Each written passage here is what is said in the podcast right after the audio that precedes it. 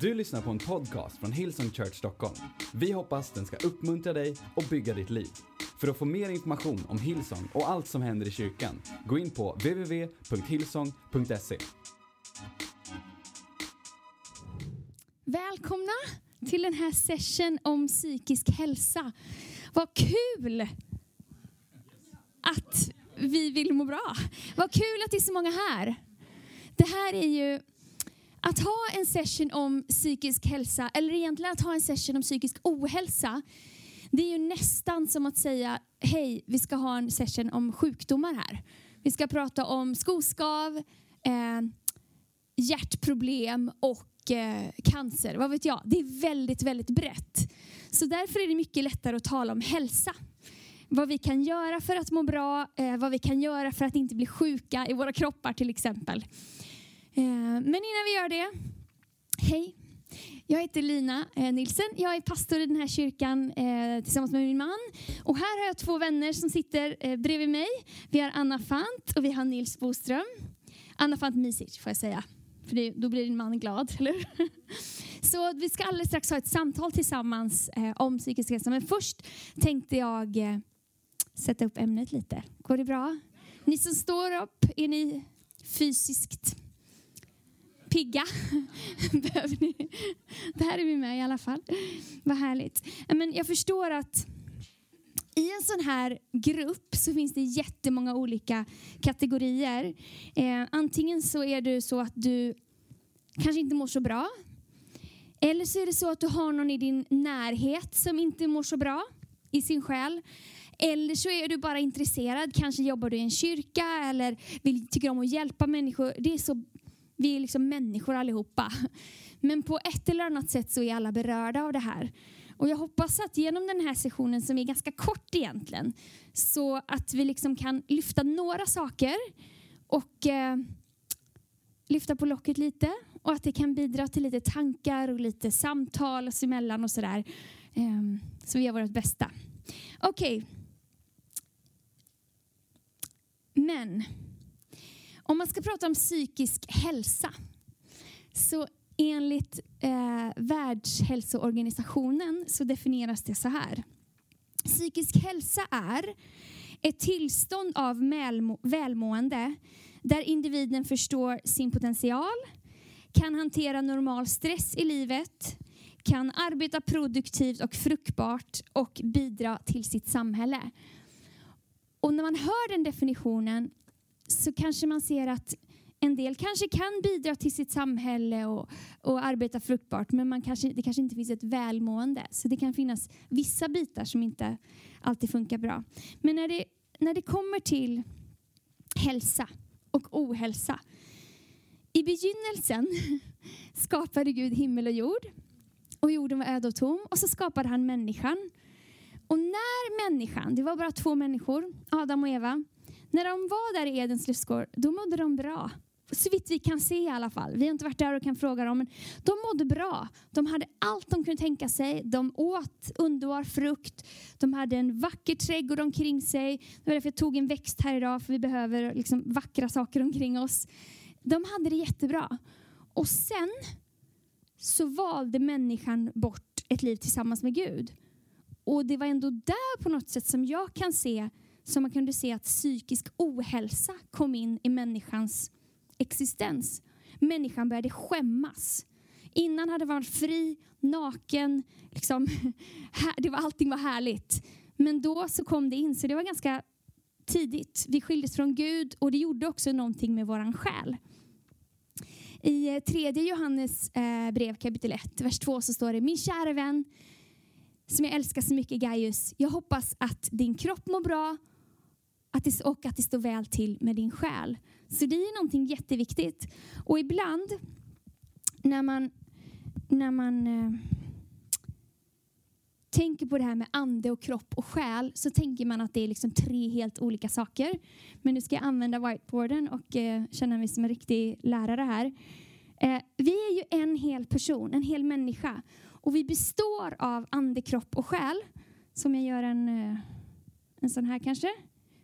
Här har vi ande, här har vi kropp och här har vi själ.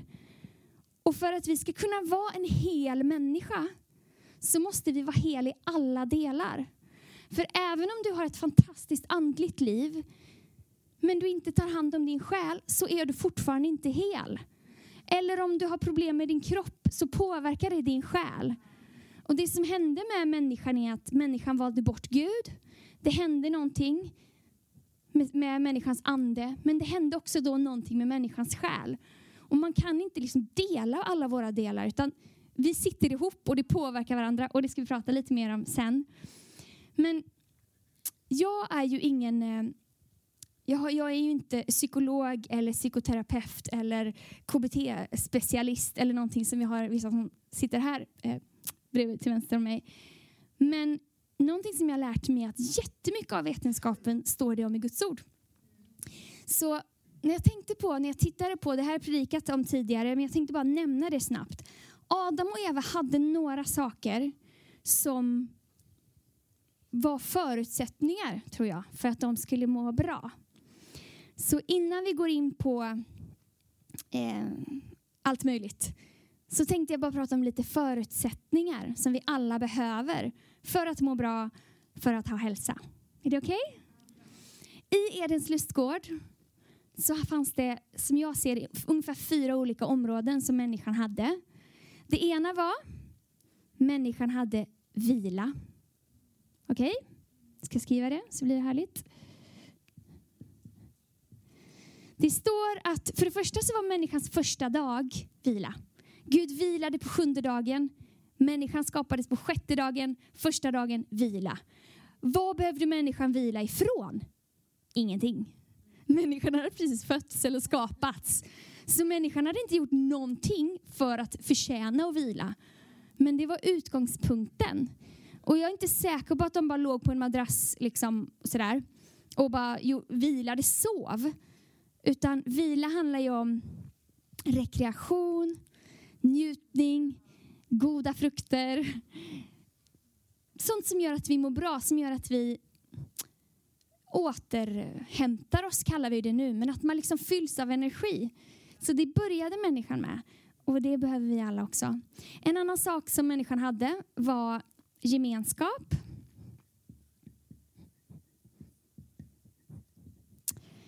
Ja, snyggt. Gemenskap står det där. Eh, alltså, människan hade gemenskap med Gud. Helt skämdes ingenting, bara vandrade med Gud och med varandra. Stod, Gud säger det är inte bra för människan att vara ensam. Så människan hade relationer som inte var, det fanns ingenting emellan. Människan behöver relationer för att må bra. Vi behöver relation med Gud och vi behöver relation med andra människor. Och det kommer vi prata om lite mer också, eh, vilken betydelse det har. Sen hade människan, vad hade människan mer? Arbete och ansvar faktiskt. A plus A. Människan blev satt att bruka jorden, att ta hand om den här trädgården, om Edens lustgård. Vi behöver alla känna att vi behövs. Vi vill gärna vara med och bidra, eller hur? Man vill göra någonting. Om du har varit eh, arbetslös en längre period, man mår inte bra av det. Jag var det under en tid i mitt liv när jag sökte något annat jobb. Man, usch, det är inte, man mår inte bra. Så vi behöver alla i viss mån jobba, känna att vi får bidra, få ta ansvar. Vi skapade till det. Vila, gemenskap, arbete, ansvar. Just det. Ehm, fjärde är vad ska man säga, restriktioner eller ett ramverk. Jag ritar en ram för jag kan inte skriva där nere. Det här är någonting som vi inte är så bra på nu för tiden. I Edens lustgård sa Gud, ni ska vara här i den här trädgården, ni får äta av allt, men inte av det här trädet. Det fanns riktlinjer, det fanns en ram. I dagens samhälle så uppmuntras vi till Gör vad du vill, hur mycket du vill, när som helst. Och vi mår inte bra av det. Ha din telefon liksom. Det är nu man börjar förstå att man behöver ha skärmtid. Men vi mår inte bra av att sitta med vår telefon hela tiden. Vi mår inte bra av gränslöshet på alla områden. Vi mår bra när det faktiskt finns vissa riktlinjer. Så jag tror ibland, om man ska vara jättegrundläggande, så om du kämpar med någonting så kan det hända att du, ung som gammal, jag vet inte, faktiskt slarvar med en del av de här områdena eller något område. Eller om du kanske ser någon i din närhet som kämpar med någonting. Det kanske är någonting av det här som man behöver förändra lite. Det är väldigt grundläggande. En annan sak som vi alldeles strax ska prata om, det är ju livet. Och jag har läst så här vecko, inte veckotidningar heter det fortfarande, men ni vet en, en intervju om en person. Och så får den göra sin livskurva, hur livet har varit. Då är det liksom så här, ja, jag föddes, jag hade en bra uppväxt. Sen så gick mina föräldrar igenom en skilsmässa, vad vet jag. Och sen så hände det här och sen blev jag upptäckt och sen gifte jag mig och sen, sen gick jag, liksom, livet ser ut så här ungefär. Och så här ser livet ut. Oavsett om man tar bort liksom psykisk hälsa eller ohälsa så är livet bra och dåliga dagar. Så frågan är ju inte hur vi kan bli av med dalarna utan hur vi kan hantera dem och hur vi kan hjälpa människor genom de säsongerna. Så, det var lite härligt, lite grundläggande. Så här bredvid mig så har jag Anna Fantmisic. Får jag säga, du, du arbetar som terapeut, mm. som psykoterapeut. Ja, precis. Och gör precis slutet på för, för att bli klar med, med det. Det är en evig utbildning. Det är en evig utbildning. Men du har haft, jobbar med privat, eh, privat ja, mottagning, eller precis. hur? Precis, privatpraktiserande. Mm. Ja. Precis. Och så har vi Nils Boström, yes. psykolog. Ja. Var jobbar du någonstans nu? Just nu så jobbar jag på en vårdcentral i Uppsala. Tidigare så har jag varit inom eh, psykiatri, psykiatrin i Upplands Väsby. Så jag har prövat lite olika delar av mm. vården. Om vi bara ska börja så här och prata om psykisk ohälsa då. Anna, du sa en sån bra sak, tycker jag, häromdagen när vi tog en eh, kaffe, eller te, eller vad det var. Eh, du sa så här att bara, ska vi se, jag skriver upp det, bara för att det inte är bra betyder inte att det är dåligt. Ja, nej men precis. Vad menar du med det? ja, men ganska mycket som den bilden du visar där och också prata om hur livet är. Att, att livet har ju upp och nedgångar och det är helt normalt. Eh, det var ganska konstigt. Jag tror ingen här skulle hålla med om att det skulle funka att vara lycklig hela tiden. Eh, utan det är en naturlig del av livet. Eh, och man kan väl tänka att det är det som vi kallar normalpsykologiskt. Psykisk ohälsa är ett samlingsbegrepp för liksom allt ifrån svårare psykiatriska diagnoser till mer vanliga psykologiska tillstånd. Mm. Så att inte vara lycklig är inte samma sak som att ha psykisk ohälsa? Nils? Nej. Ja. Nej, alltså jag tänker att det är, det är, fullt normalt och rimligt att reagera med sorg och ledsenhet eller ilska ibland om, om någon går bort i ens närhet så kan man inte förvänta sig att man ska liksom må bra varje dag då, utan då kommer det vara tungt ett tag och det, det är så livet är. Det är sorg och förlust mycket mm. i livet ju. Är en negativ känsla alltid dålig? ja, jag tänker att eh, alla känslor eh, på sätt och vis är bra. Alltså vi behöver de dåliga känslorna. De säger någonting. Eh, ibland är de ett tecken på att det är någonting som vi gör för mycket av eller något som vi bo inte borde göra så mycket eller vi borde göra mer av någonting annat. Eh, så att eh, jag tänker att vi, vi behöver de dåliga känslorna också. Eh, sen, sen är det viktigt att vi liksom lär oss att tolka känslorna. Ehm, det är ju inte alltid en känsla behöver säga jättemycket. Eh, så.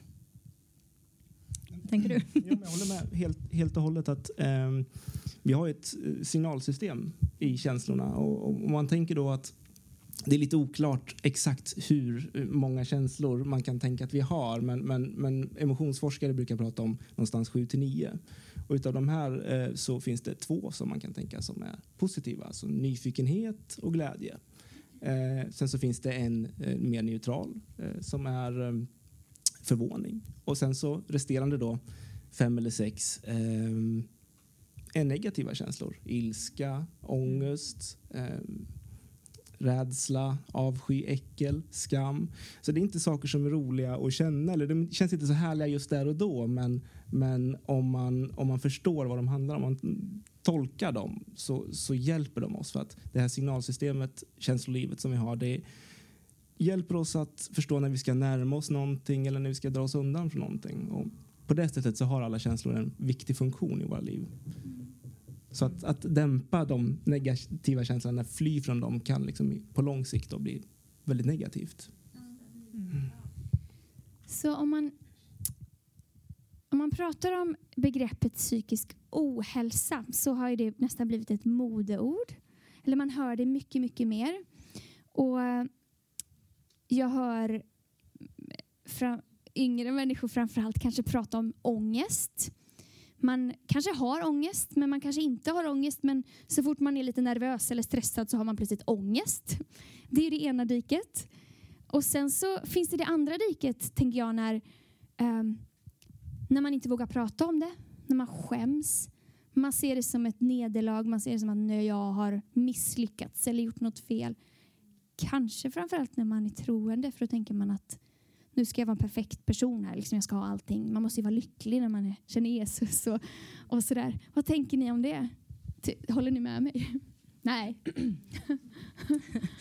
jo, men jo, jag är benägen att hålla med. Ehm, jag tänker att det, liksom psykisk ohälsa och att må dåligt psykiskt är jobbigt för vem som helst. Ehm, så det, det handlar inte enbart om att man är kristen och att det blir liksom en tyngre belastning av den sakens skull. Det är jobbigt ändå för de allra flesta. Eh, men, men jag, jag, tänker utifrån klinisk erfarenhet så, så kan jag ju uppleva att många gånger som kristen kanske man väntar lite längre med att söka hjälp. Eh, för man tänker att man borde må bra. Eh, och det kan finnas, det kan ju vara så att det finns en skam i att, att känna så här. Eh, och att jag tänker att det här borde Gud ta hand om eller att jag inte har bett tillräckligt och, eh, och så. Så, att, eh, så det, det tycker väl jag mig kunna se, att oftast så väntar man lite länge innan man, innan man söker hjälp. Och det kan också vara, vi pratade om det lite innan, en, en tanke om att jag ska inte gå i egen kraft och jag ska inte göra något själv utan jag ska lämna det här till Gud. Eh, kontra då att, att det faktiskt kanske är så att det finns saker jag kan göra själv för att förändra mitt tillstånd. Och att vi, vi har ju på sätt och vis ett ansvar att ta hand om, om oss. Men det kan bli liksom en, en inre konflikt i det. Vad som är vad. Tänker du? Klokt, tycker jag. Låter jätte... Jag håller med precis allt du säger. Jag tänker också att um, Alltså, skulle vi inte känna ångest så, så, skulle vi ju inte vara... Alltså, ångest är en av de viktigaste mm. känslorna, ty, tycker jag. Och det, det, är klart att det är obehagligt att känna ångest men liksom utan ångest så, då, då, blir vi liksom närmast psykopater. Alltså, då kan vi inte förhålla oss till andra i vår närhet. Vi, mm. vi kommer inte i tid till saker. Vi beter oss inte i sociala sammanhang. Alltså, så här, det skulle vara helt värdelöst att inte ha ångest. Och, och jag tänker att jättepositivt att vi vågar prata om ångest mer eh, och att det kanske inte är så mycket att ångest eller psykisk ohälsa för den delen ökar men att vi kanske pratar mer om den, mm. vilket är jättebra. Eh, sen så kan man ju såklart låsa sig vid och känna som att ett stort berg att jag, jag borde inte ha ångest och särskilt kanske då om man är kristen att säga, men jag ska ha frid och lugn, precis mm. som Anna säger att, att det, det kan bli ja, men det är liksom en liten fälla för oss som är troende, mm. kan jag tro. Mm. Vad tänker ni om det här då? Alltså det här ande, kropp och själ, hur det hänger ihop. Anna, du har jobbat mycket med ät, på en ätstörningsklinik. Mm.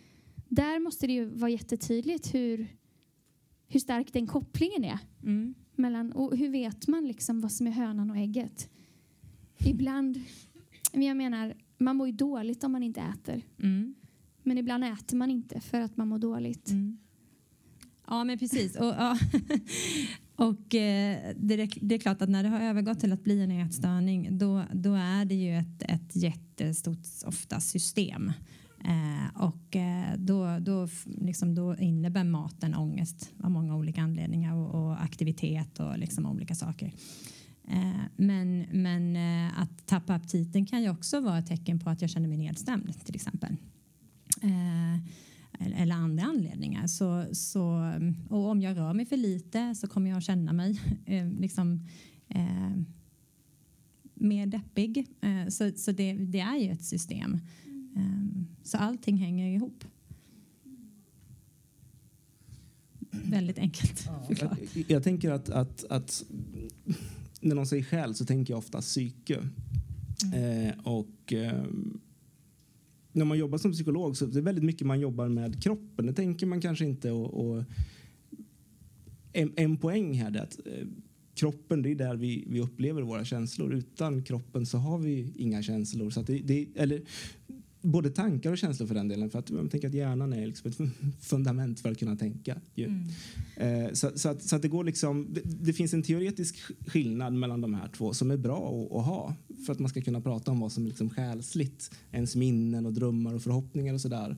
Och att kroppen det är någonting fysiskt som man kan skada och så. Men eh, de hänger ihop alltså. Det, det, det, är helt omöjligt att, att ha en känsla utan kropp det pirrar någonstans eller det känns tungt, eh, det blossar i kinderna. Eh, vad den är, det är ju liksom tecken på om man kan känna sig ja, kär eller ledsen eller att man har skämt ut sig.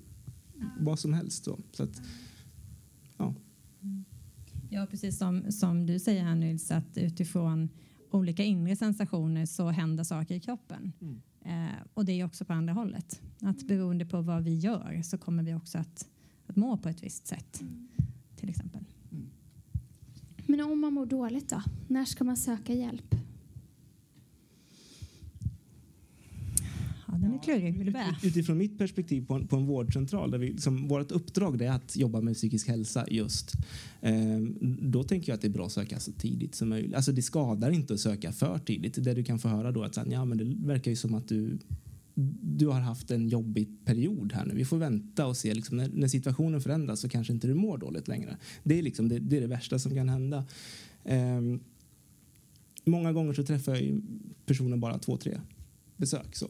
Eh, så har vi hittat vad är problemet, hur kan vi göra annorlunda? Och sen så testar personen det och då, ja, nu mår jag bra, nu behöver inte jag komma hit någon mer. Så det behöver liksom inte vara en så stor grej. Stukar man foten så går man till en vårdcentral och så får man den lindad och så får man lite råd. Så här, hur ska du hantera det här? Ja, och sen så går man inte tillbaka igen. Samma grej här. Det behöver inte vara så stor, liksom, det är inte så stor sak med psykisk ohälsa egentligen. Mm. Men många gånger så tänker vi att det är psykisk ohälsa är psykisk sjukdom. Men det kanske är mer på ett spektra. Liksom, att eh, vi befinner oss alltid någonstans. Det är inte som med halsfluss att antingen så har vi de här bakterierna eller så har vi dem inte. Utan det, det är liksom gråzoner. Mm. Mm. För annars, jag tycker egentligen inte om det här psykisk ohälsa.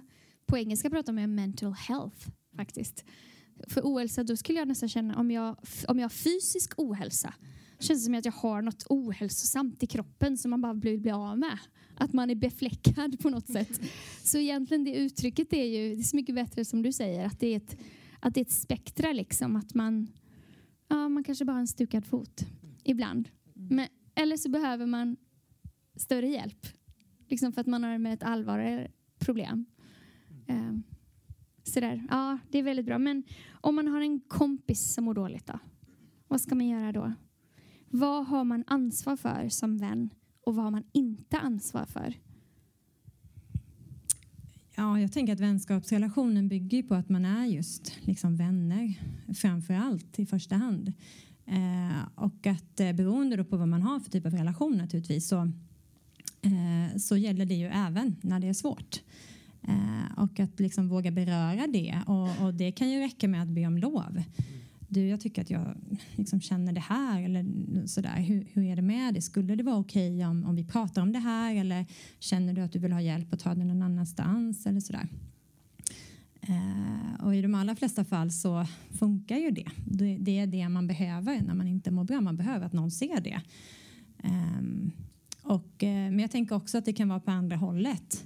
Eh, att det kan vara att den här problematiken eller vad det än är eh, liksom blir en nagel. Sådär. Och då, då tänker jag att det är viktigt att behålla vänskapen ändå att det här som, som liksom man tycker att ens vän lider av eller kanske inte vill prata om, eller så där, att man ändå finns kvar. Eh, att man liksom har koll på den här relationen som man har, att det är, det är vänner vi är. Jag kanske inte kan hjälpa dig med det här, men jag kan fortsätta vara en vän. Så. Att man inser sina begränsningar. Liksom. För det, när du och jag pratade Nils här om veck i veckan var det, så, så sa du, vilket jag ja, så sa du att det är nästan lika smärtsamt att vara en vän till någon som mår dåligt som att vara den som mår dåligt. För att man bär det så mycket och man ser det och man känner. Eh, men så då är det ju så svårt. Man vill ju så gärna bara lyfta av det och lösa det. Men vad har man inte ansvar för? Nej, men, eh, den här typen av vården är ju frivillig i väldigt stor utsträckning eh, i Sverige. Så det är ingen som, som måste ta emot hjälp om den inte vill. Eh, ja, fram tills man är en fara för sig själv eller andra. Eh, och många gånger det som kan göra att det låser sig lite som, som anhörig eller vän och den här, den här ångesten som, som det väcker att se eh, någon som är nära lida och inte kunna göra, inte kunna ta bort smärtan på en gång. Eh, och då kan det kännas som att man inte vill beröra det eller att det blir farligt att ta upp om någon har uttryckt att livet känns meningslöst eller att ibland så kan jag tänka att det vore bättre om jag inte fanns.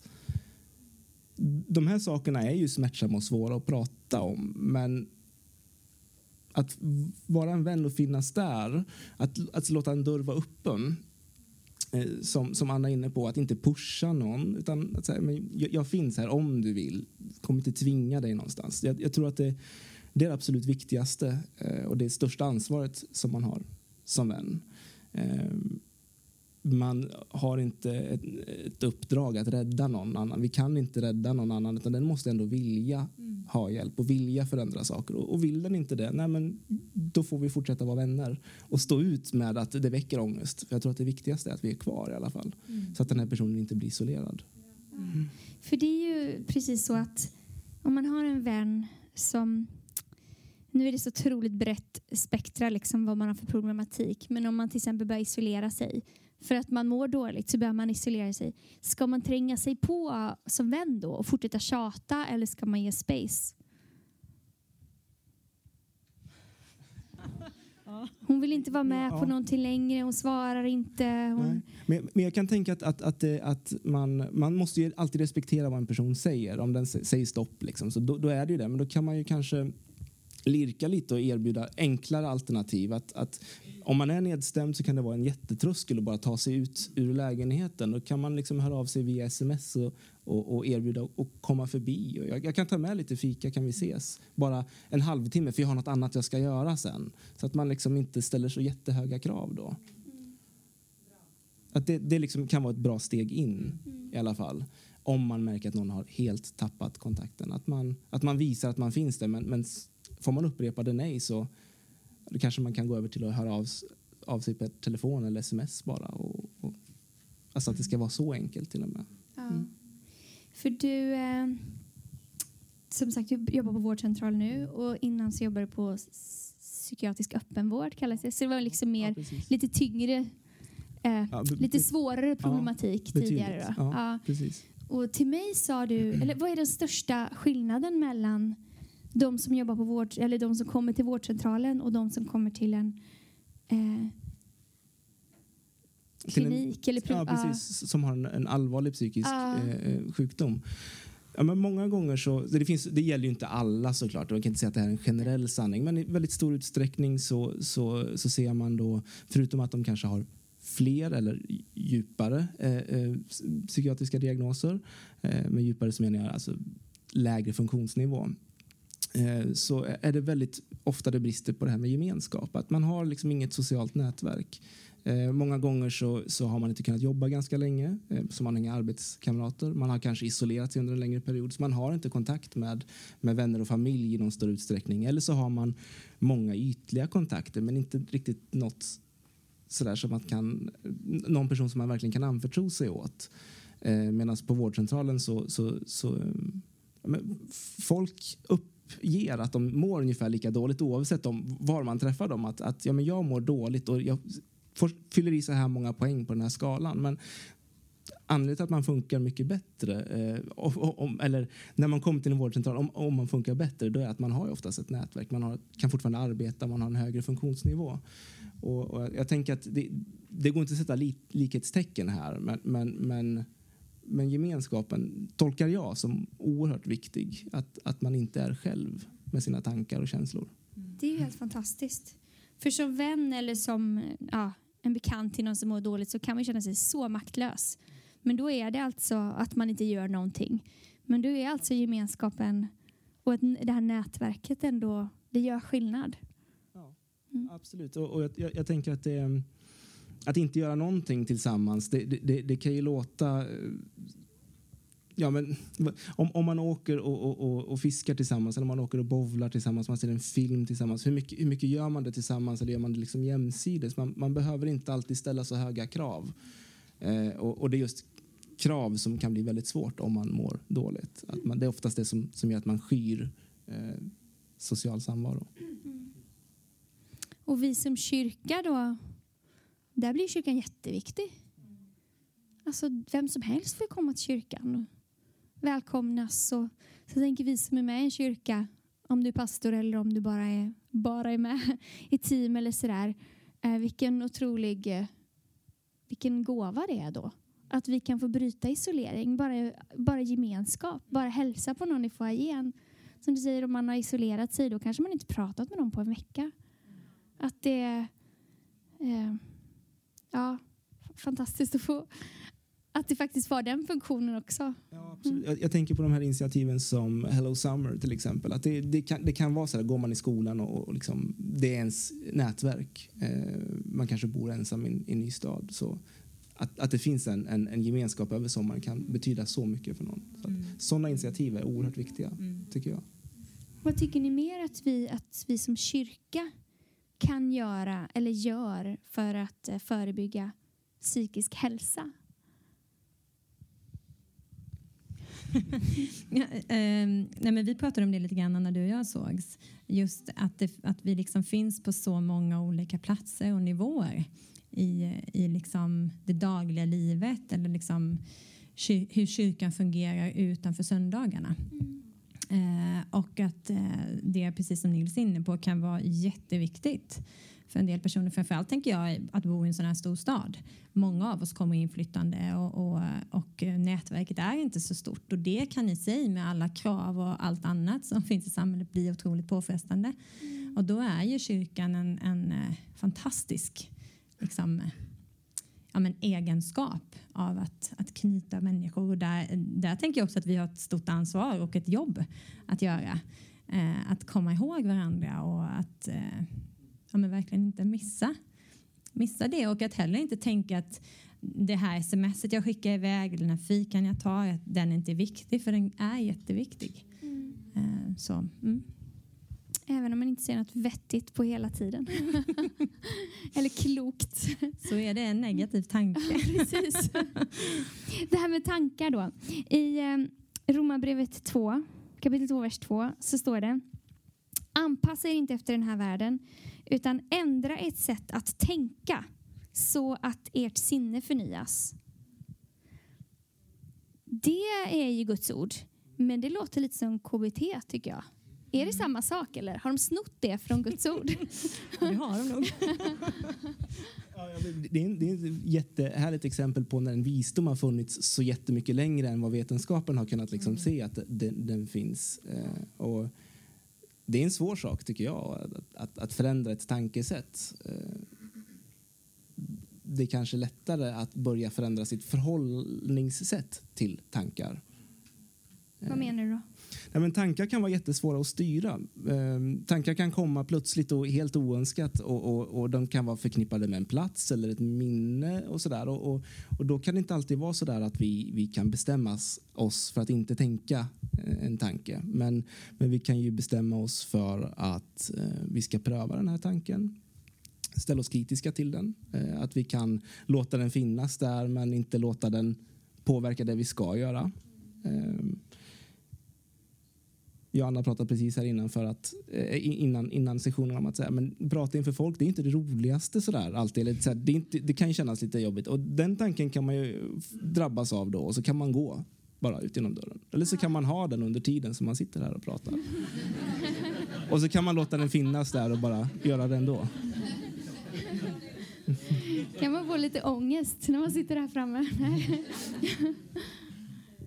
Ehm, Men eh, jag har läst en del böcker och, och, och lyssnat på en kvinna som heter Caroline Leaf.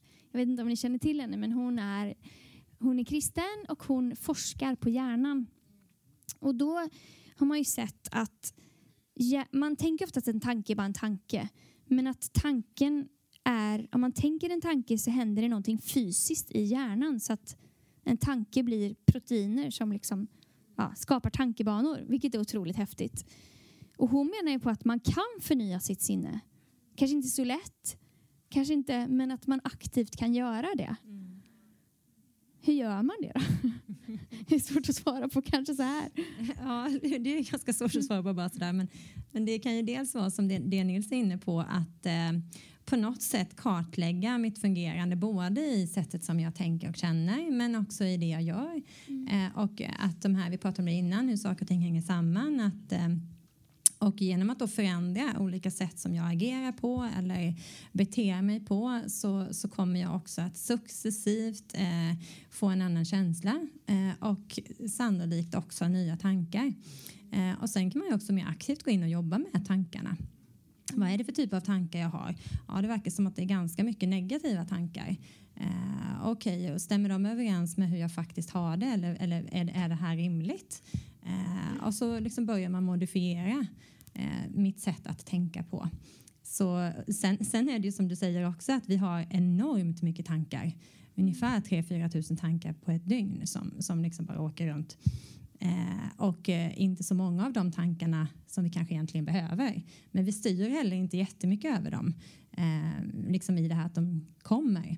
Men vi kan ju i ett aktivt arbete välja liksom vilken typ av tankar jag vill liksom fokusera på eller liksom låta finnas där medvetet. Så, så absolut Mm. kan man förändra det. Men, men eh, det kan ju vara ett hårt arbete naturligtvis.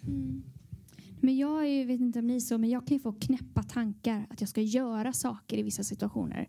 Skri, liksom så här, om jag ställde mig upp och skrek nu, då skulle alla... Är det någon som har tänkt någon sån tanke någon gång? Nej? Ja. Eller liksom alla möjliga sådana saker, men det är bara en tanke som bara, nej, det, där, det är nog ingen bra idé.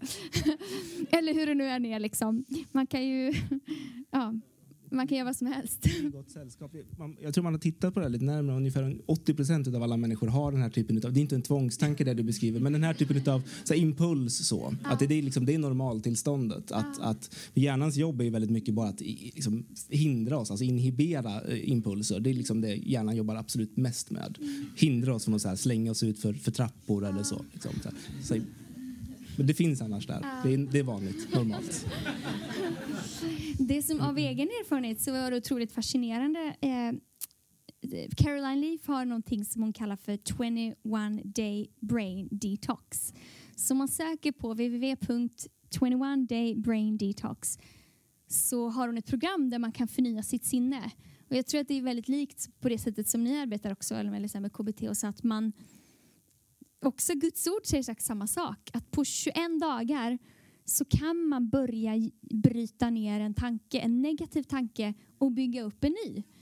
Eh, och det är väl precis som ni beskriver att man liksom väljer att ta ett helikopterperspektiv och försöker titta på ens tankar. Så här, hur tänker jag nu? Är det här bra, vettigt? Liksom, är, är det, liksom, vill jag tänka de här tankarna? Är de bra för mig? Mår jag bra? Är det rimligt i förhållande till hur jag, till hur jag har det? Och så kan man förändra sina tankar. Och för mig eh, så har det verkligen funkat. Jag trodde inte först att det skulle funka. Men just det här att man kan, man kan bestämma sig för. Och då bygger hjärnan nya tankebanor. Så det är väldigt häftigt när man, tänk, när man pratar om att man nästan känner sig dömd. Eller att det är en dom och får liksom om man har några psykiska utmaningar. Men att allt, eller att så mycket kan bli bra. Även om det ser så omöjligt ut. Eh, En, en, när du säger det så kommer jag att tänka på det, är en, det är en, bild jag brukar använda i mitt kliniska arbete för att förklara det här lite om hur, hur hjärnan kan förändras. Man kallar det för att hjärnan är plastisk. Alltså den, den, Utifrån vad vi gör och i vilka sammanhang vi är så förändras hjärnan. Och det här med tankebanor, när man kanske har varit nedstämd en, en lång tid så, så har man oftast ett tankemönster. Man tänker vissa tankar ofta. Och då är det lite som att man går på en stig i en skog och har man gått den stigen många gånger så blir den liksom bred och lätt att eh, ta sig fram på. Och hjärnan är ju av naturen lat för att den ska spara energi och därför så går vi gärna på de här stigarna många gånger och ju mer vi går på dem desto bredare blir de. Eh, precis så ser det ut i hjärnan också, att då blir det fler liksom, kopplingar mellan de här olika hjärncellerna. Eh, och börjar man liksom gå på en ny stig i den här skogen så kommer det vara svårare i början, kommer ta längre tid, men successivt när man övar sig och gör det här så, så kommer även det bli en bredare stig. Den gamla stigen försvinner inte, men den växer liksom igen. De här liksom, kopplingarna de, de dör bort efter en tid för att det kostar hjärnan att behålla dem. Så det är, liksom, det är lite så det ser ut, men det är ganska tydlig enkel bild på mm. vad man faktiskt gör. Coolt. Om vi bara ska beröra lite kring stress. Jag lyssnade på en, en eh, föreläsning av en man. Han jobbar både kliniskt och har forskat på eh, med barn och ungdomar och psykisk hälsa för dem. Och han heter Dr. Gordon Newfelt och han säger att våra barn i Sverige idag visar större distress, han pratar engelska, men alltså stress och kval och smärta än barnen gjorde under andra världskriget. Um, och hans tes, vad han sa då, var att det är för att barn idag upplever så mycket separationer av olika slag. Separation genom att man inte har lika många relationer, eh, så man använder den här istället. Och här tror man att man får vad man behöver i form av relationer. Men man får ju inte ett leende och man får inte de här sakerna som det bevisas att man behöver liksom, med en riktig person framför sig. Så man får inte det. Så man är på det sättet separerad från andra människor. Föräldrarna kanske separerar eller så kanske man känner ett utanförskap för att man inte passar in. Det är alla möjliga sorters separationer då, som gör att man klarar inte av att gå igenom de tuffa säsongerna i livet. Det, det var han sa. Liksom att, framförallt han sa att vi har förlorat, we've lost the village. För, förr så, så levde man i större familjer med många generationer och nu kanske man börjar på dagis tidigt och man har bara lika samma ålder hela tiden och sådär. Um, och att det gör att man får svårare att hantera stress. Och det är återigen det här med relationer. Vad tänker ni med det? Kan ni se det? Eller det att, att man, eh, det här med stress, eh, hur det, vad ska man säga, hur, eh, hur ska jag ställa det här så det är bra? Kan ni se att we've lost the village, att det påverkar oss? Ja, barn är inte mitt specialområde, så, men men jag tänker kanske mer utifrån ett generellt perspektiv för oss som individer. Så samhället vi lever i idag, det här informationssamhället, den generationen som växer upp är egentligen första generationen som, som växer upp med det här. Att vi ska vara till, liksom ständigt tillgängliga och vi hörde det senast i förmiddags under liksom predikan, det här med eh, social media, hur det eh, liksom all, alla likes och allting och att vi spenderar allt mer tid med skärmar. Ehm, det räcker att åka en buss liksom i Stockholms lokaltrafik. Det är inte en människa som tittar på varandra utan vi isolerar oss gärna. Och, och utifrån liksom psykisk hälsa så är ju de sociala relationerna, närheten, eh, otroligt viktig. Eh, att få känna sig tillräknad eller, eller ha tillhörighet. Men även tänker jag om man kopplar tillbaka till barn med, med gränssättning och att stå ut med eh, att inte liksom att jag inte får allt eller att det inte känns bra eller sådär. Sånt som kanske är svårare för föräldrar idag då man använder andra metoder för att det, skärmen, det, går, det går lättare. så. Eh, så att, och där kan ju skapas en stress i att inte känna att jag kan hantera det här som händer på insidan. Jag tänker att den första punkten där på tavlan med vila eller återhämtning är en, en, en väldigt stor komponent i varför vi är stressade också. Att, mm. att vi, vi, vi går i skolan, vi är och arbetar um, och sen så har vi telefonen under dagen och sen så har vi den på, på kvällen och sen så tittar vi på lite serier och sen så, så kollar vi lite grejer, lite jobb kanske, lite mail och så innan vi lägger oss och sen så börjar det om direkt när man vaknar. Då är telefonen det första man tar upp. Och, eh, du var inne på en jätteviktig poäng i början där tycker jag Lina när du sa att, um, att vila inte bara ligga ner och, och, och liksom slappna av. Att har, vi, har vi tittat på en skärm en hel arbetsdag eh, då är återhämtning att, att göra någonting annat. Kanske röra på sig. Eh, har vi stått upp mycket om att jobba i en affär eller sådär, då, då, kan, man, då kan man behöva sitta ner. Man ska liksom så alternera. Så här, vad är motsatsen till det här som jag har gjort hela dagen idag? Så göra en sån sak istället. Att så här, hitta någonting eh, alternativ. Och, men många gånger så, så, är det lättare att sätta sig ner och sätta sig vid, vid tvn och, och sådär. Mm. Tiden har gått väldigt fort här. Men till sist då, vi hoppas att vi får göra det här igen för det är så intressant att prata mer. Um, om ni skulle vilja ge ett råd eller två, får välja utifrån ert liv eller erfarenhet om hur man kan behålla eller återfå psykisk hälsa. Vad skulle ni säga då? Supersvår och jättebra, viktig fråga tycker jag. Ehm, jag måste nog ta två, för att det går inte att välja en. Ehm, men, men jag tänker att, att ehm, det första jag skulle vilja säga är att eh, leva i, i, i linje med sina värderingar eh, är jätteviktigt för att må bra. Och, hur kan man göra det då? Men man kan liksom titta på sitt liv som, som en karta. Eh, hur, hur, vilka värderingar vill jag ska styra hur jag är eh, i mina sociala relationer, hur jag är på arbetet, eh, hur jag förhåller mig till min, eh, min, min närmsta, min, min partner. Eh, och utifrån det generera mål. Eh, en värdering är ju någonting som inte kan liksom uppfylla vid ett tillfälle. Eh, om man vill vara nära kärleksfull eh, eh, partner till en person så kan man ju liksom inte säga ja, nu gav jag den här en, en kram, färdigt, går vi vidare. Utan det är någonting som man behöver hitta, liksom så här, men hur kan jag göra det här varje dag eller, eller, eller så ofta som jag vill? Så kan man liksom gradera lite, så, men hur, hur nära min värdering lever jag nu? Eh, och hur viktigt är det här för mig just på det här området på studier eller så. Så kan man liksom få en liten prioritetslista så får man den här ramen som du har eh, på fjärde punkten där. Att man, för man kan inte göra allting alltid. Eh, men vad är viktigast för mig? Vad mår jag bäst av? Så lever man i, i, i, som, i linje med sin värdering så, så brukar man göra saker som är viktiga och då mår man bättre. Eh, det andra rådet det är att eh, komma ihåg att, att jobbiga tankar och jobbiga känslor eh, de finns där ofta eh, för en anledning i alla fall när det kommer till jobbiga känslor. Men de har också ett naturligt förlopp. De kommer och de, de kanske böljar lite upp och ner men de försvinner också. Eh, jobbiga tankar eh, kan komma men de måste inte styra oss. Alltså tankar styr inte oss. Eh, det är många gånger vi kan ha liksom en, en frustration och, och, känna att man kanske skulle vilja slå någon. Liksom sådär. Men det är väldigt sällan man gör det ju. Eh, så att det är sällan tanken faktiskt styr oss. Och så kan det vara med andra saker också, att vi kan göra saker fast vi tänker. Vi behöver liksom inte det, låta det diktera vad vi kan och inte kan göra. Så tankar och känslor kommer och går. Men man behöver inte låta det styra.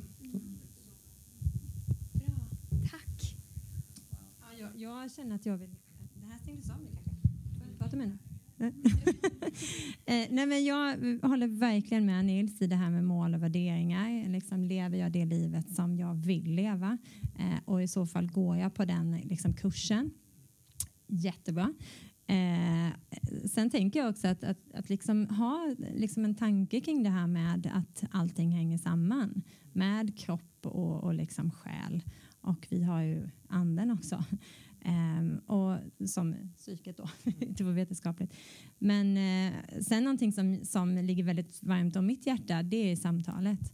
Uh, och att, uh, ja, att vi är sociala varelser och vi behöver varandra. Och samtalet liksom skapar en sån liksom, um, bärighet för liksom, det svåra livet men också att liksom, glädjas med varandra när vi har det bra. Mm. Så, så det brinner jag för, det tycker jag är jätteviktigt. Jag, jag lägger till den på min lista. Ja. Jag, tar all, jag tar era tre. Ja, men det är ju så, ja, så intressant. Utifrån min erfarenhet då. Så utöver de två sakerna så skulle jag säga mina råd är uh, lite som du var inne på Anna, att inte dela på ande, själ och kropp. Och också veta att eh, Gud har skapat alltihop. Så Gud har skapat vår själ, han har skapat vår kropp och han har skapat vår ande. Han har gett oss liv. Så eh, min, av den erf min erfarenhet av Gud är att han kan lösa vad som helst. Jag, eh, ja, min erfarenhet är att Gud kan i omöjliga fall, jag har sett ätstörningar som bara har löst sig. Det var såg så mörkt ut men personer som idag lever friska, lyckliga, blomstrande liv. Jag vet människor som har varit deprimerade som eh, man ser att det finns det ens en framtid, tänker man. Men som idag lever fantastiska liv och hjälper personer i liknande situationer. Jag har sett att Gud, han kan göra allting. Så jag tänker att om vi gör våran del så gör Gud sin del. Eh, och det jag har lärt mig själv för att bevara mitt egen, min egen hälsa eh, psykiskt, att det finns egentligen två saker som verkligen som kan förvandla oss. Det är Guds närvaro och Guds ord. Och Guds ord är ett väldigt bra sätt för att eh, hjälpa oss själva att förändra våra tankar. Eh, dels våra tankar om oss själva och eh, att förnya vårt sinne med hjälp av Guds ord. Och i hans närvaro så kan han göra någonting som vi inte förstår alltid, men att någonting kan hända. Verkligen så, därför så är min passion så stark för kyrkan. För där finns allt det här. Där finns Guds ord, där finns eh, hans närvaro, där finns gemenskap, där finns så mycket av det som kan göra att vi mår bra. Så eh, jag skulle vilja avsluta bara med ett bibelord. Eh, som ändå sammanfattar lite grann. Det står i Predikaren kapitel 3. Från vers 1. Allt har sin tid. Varje sak under himlen sin tidpunkt. En tid att födas och en tid att dö. En tid att plantera och en tid att rycka upp det planterade.